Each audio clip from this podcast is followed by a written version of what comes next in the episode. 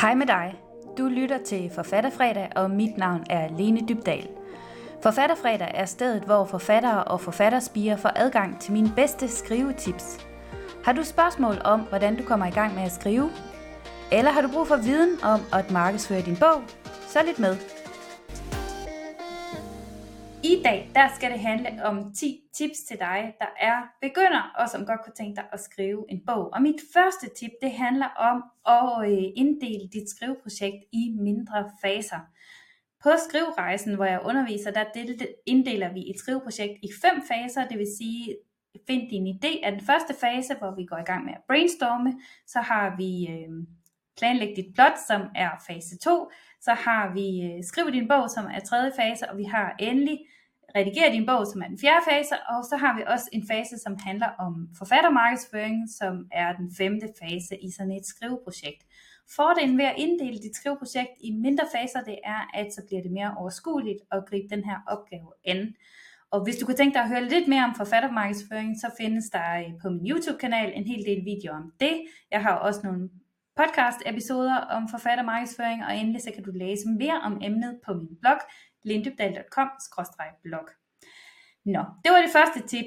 Mit andet tip, det øh, er lidt mere i dybden omkring det her med at finde din idé, fordi det, som jeg synes, man kan starte med, det er at prøve at koble de idéer, du har om en hovedperson, med din handling, og så prøve at få de to til at snakke sammen, så du ligesom kan få en idé om, hvad skal din bog handle om, og hvordan kan den gode idé med en spændende person for eksempel kobles til den her handling. Mit tredje tip, det er at lave et Trello-board. Og et Trello-board, hvis du ikke kender det, altså Trello, det er et gratis program, som man kan finde online. Du finder det på trello.com, og jeg får altså ikke nogen penge for at anbefale det her program. Det er et program, jeg selv bruger, når jeg øh, arbejder med at lave mit plot. Og en rigtig god idé, det er, at de løse idéer, som måtte opstå undervejs i din brainstorming-proces, og som ikke rigtig passer nogen steder hen, dem kan du sætte ind i det her Trello-board, fordi så har du altid sådan en idébank at gå tilbage til. Mit fjerde tip, det hedder planlæg dit plot, og det handler om at få styr på handlingen ved at planlægge tre specifikke ting, nemlig begyndelsen, midten og slutningen. Og når du har styr på de der tre ting, så har du ligesom den store, det store billede af din historie, og så er du faktisk tæt på i hvert fald at kunne øh, gå mere i dybden med, hvad handlingen, den, hvordan den skal udspille sig. Så når du har arbejdet med begyndelsen, midten og slutningen, så er du bedre i stand til at give din historie en retning. Og øh, det leder mig frem til tip nummer 5, som handler om at lave en kapiteloversigt. Og øh, nu nævnte jeg det der program Trello lige før til de løse plotidéer til at lave en idébank. Det kan faktisk også bruges, hvis du vil lave en kapiteloversigt, og det er det, jeg selv gør.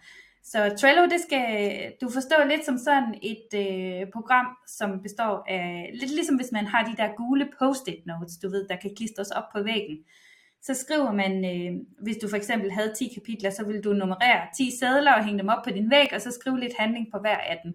Alt det kan du så gøre øh, i Trello i stedet for, og så har du det i digital format, som du også kan finde på din mobiltelefon, hvis du er på farten og har brug for at notere en idé ned. Så øh, sådan vil jeg gribe det an. Og grund til, at det er smart at have det sådan i skyen, det er også, at så uanset hvor du befinder dig, næsten, i hvert fald hvis der er internetforbindelse, så har du mulighed for at gå ind og kigge på din kapiteloversigt, hvis nu skrivetrangen griber dig på et ukendt sted. Tip nummer 6. Beslut dig for en kapitellængde. Det kommer måske som lidt et overraskende tip, men grunden til, at jeg anbefaler det her med kapitellængden, det er, at hvis nu vi siger, at du for eksempel havde en ideel kapitellængde, der var øh, 5 sider, eller 10 sider, eller 20 sider, alt efter dit temperament og din målgruppe og alt det her. Men ved at du har en bestemt kapitellængde, så har du en mere afgrænset øh, opgave foran dig, når du skal skrive et kapitel. Og det som rent psykologisk kan være med til at motivere dig faktisk, at du ved, når okay, jeg skal kun skrive 5 sider i dag for eksempel, så har jeg et helt kapitel. Det er en helt anden opgave at gå til den, end at hvis man siger, jeg kan skrive et kapitel så langt, som jeg vil have det, og det afhænger lidt af, hvor meget jeg lige får skrevet i dag, hvor langt det her kapitel overhovedet bliver, jamen så bliver øh, opgaven mere diffus, det tror jeg også, du kan mærke på den måde, jeg fortæller om det på, og så kan det faktisk være svært at finde motivationen. Men hvis man gør det meget konkret, meget afgrænset, jeg skal kun lige skrive om den her episode, hvor hovedpersonen gør det og det, og det må kun fylde x antal sider, så har vi en konkret opgave foran os, og så er det faktisk lidt lettere at gå til det. Tip nummer 7 fastsæt en fast ugedag, hvor du går til skrivning. Øh, det er noget, jeg altid siger til mine kursister. Find en ugedag, hvor du går til skrivning, fordi lidt ligesom hvis du gik til svømning, eller badminton, eller musik, eller hvad det nu kunne være. Hvis du har en fast dag, hvor du går til lige netop det, så bliver det også lavet på den dag. Tit så har vi en tendens til, jeg er også selv skyldig i det, at øh, man kan sådan skubbe lidt det der skrivning foran sig, især hvis man er kommet til et svært sted, hvor man ikke lige ved, hvordan man skal komme videre.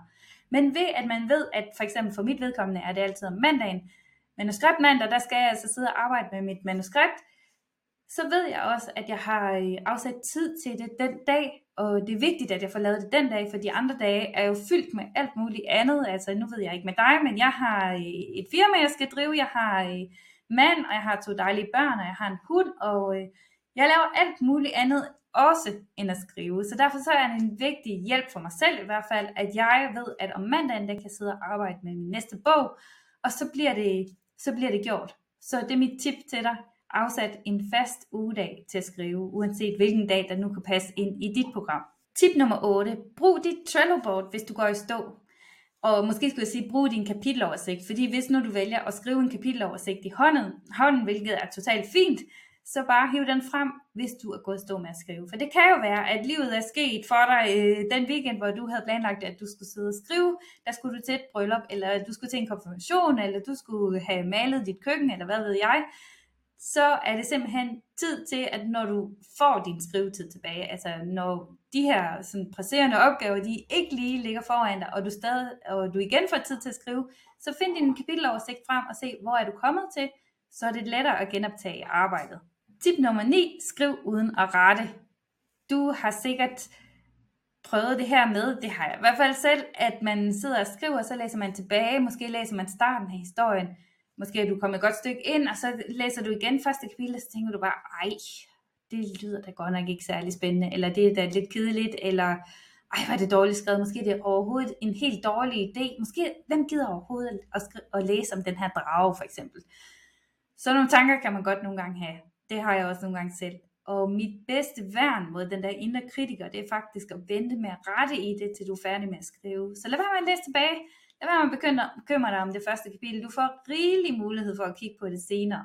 Så mit tip til dig, det er at skrive din historie helt færdig, inden du begynder at rette. Og så ved jeg godt, efter at have interviewet mere end 45 forskellige forfattere, til mit program på skriverejsen, så ved jeg godt, at der er nogen, der siger, at de elsker at gå tilbage og rette det forrige kapitel, fordi så synes de ligesom, så har de rent bord, så ved de, at alt det foregående, der er skrevet, det er bare helt i orden, og så kan de bedre skrive videre. Og hvis du har det på den måde, så skal du selvfølgelig ikke vente med at rette.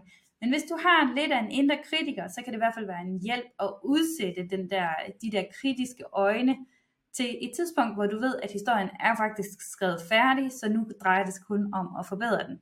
Tip nummer 10. Læs historien igennem fra anden ende til anden, og ret historien for øh, plothuller, for øh, utroværdige karakterreaktioner, altså for eksempel at en øh, karakter reagerer på en helt anderledes måde, end du ellers har bygget den person op til at være. Ret sådan noget igennem som øh, ulogiske tidshop. Øh, hvis det er sådan, at du skriver næste morgen, og så den morgen, så er der... Øh, høj solskin, eller øh, hvis du øh, fucker lidt op i vejrudsigten, altså at der er øh, sol, selvom at der øh, egentlig skulle være regnvejr, alle sådan nogle ting. Altså prøv at sørge for, at det bliver sådan konsekvent igennem din bog, så, således at der ikke er to måneder lige i træk, hvis det ikke kan lade sig gøre, den slags ting. Det kan også være sådan noget, som jeg selv har arbejdet med i for eksempel i Ovanien-profetierne, derom bagved, der har jeg sådan et verdenskort, og der bliver jeg nødt til at sidde og regne ud, hvor lang tid tager det at rejse fra den ene ø til den anden, og det skulle gerne være ens for alle, uanset hvem der rejser, så skulle de gerne bruge cirka lige mange dage for at komme fra den ene til den anden destination. Sådan nogle ting er jo også vigtige at få rettet til. Og så selvfølgelig alt sådan noget som at rette stavefejl og kommafejl og slåfejl også. Øh, vær konsekvent i din stavemåde, sådan noget som personnavnene, Husk at stave den på den samme måde hele vejen igennem, og hvis du har valgt en stavemåde, for eksempel en tiltaleform, eller hvad det nu kunne være, så også være konsekvent hele vejen igennem. Så det er nogle af de ting, man kan rette til der til sidst. Hvis du kunne tænke dig at gå mere i dybden med det her med at lære at skrive, så har jeg to muligheder for dig. Jeg har øh, plotplanen, som er mit lille minikursus om, hvordan du planlægger dit plot, og det er et selvstudium, som du kan tage når som helst, og øh, det lægger jeg et link til herunder. Hvis du godt kunne tænke dig at komme lidt mere i dybden med det hele af den her skriveproces, så har jeg det øh, forløb, som hedder Skriverejsen, som jeg åbner for en gang imellem. Og øh, der var ikke så længe før jeg åbner for tilmelding til Skriverejsen igen, og øh, når jeg gør det, så sender jeg det ud i mit nyhedsbrev. Så hvis du ikke er tilmeldt mit nyhedsbrev endnu, så kan jeg varmt anbefale, at du tilmelder dig, og jeg lægger et link her under, hvor øh, der er et link til en lille guide, og hvis du øh, tilmelder dig og hente den, så kommer du med på mit nyhedsbrev, og så skal jeg nok skrive til dig næste gang, jeg har åben for tilmelding til skriverejsen. Det var simpelthen alt, hvad jeg havde i Forfatterfredag i dag. Jeg håber, at du har fundet noget inspiration og noget skrivegejst, og så vil jeg bare sige tusind tak, fordi øh, du tunede ind til Forfatterfredag. Husk at subscribe. Det gør mig helt vildt glad, hvis du gør det der, hvor du finder din Forfatterfredag. Vi ses. Hej hej.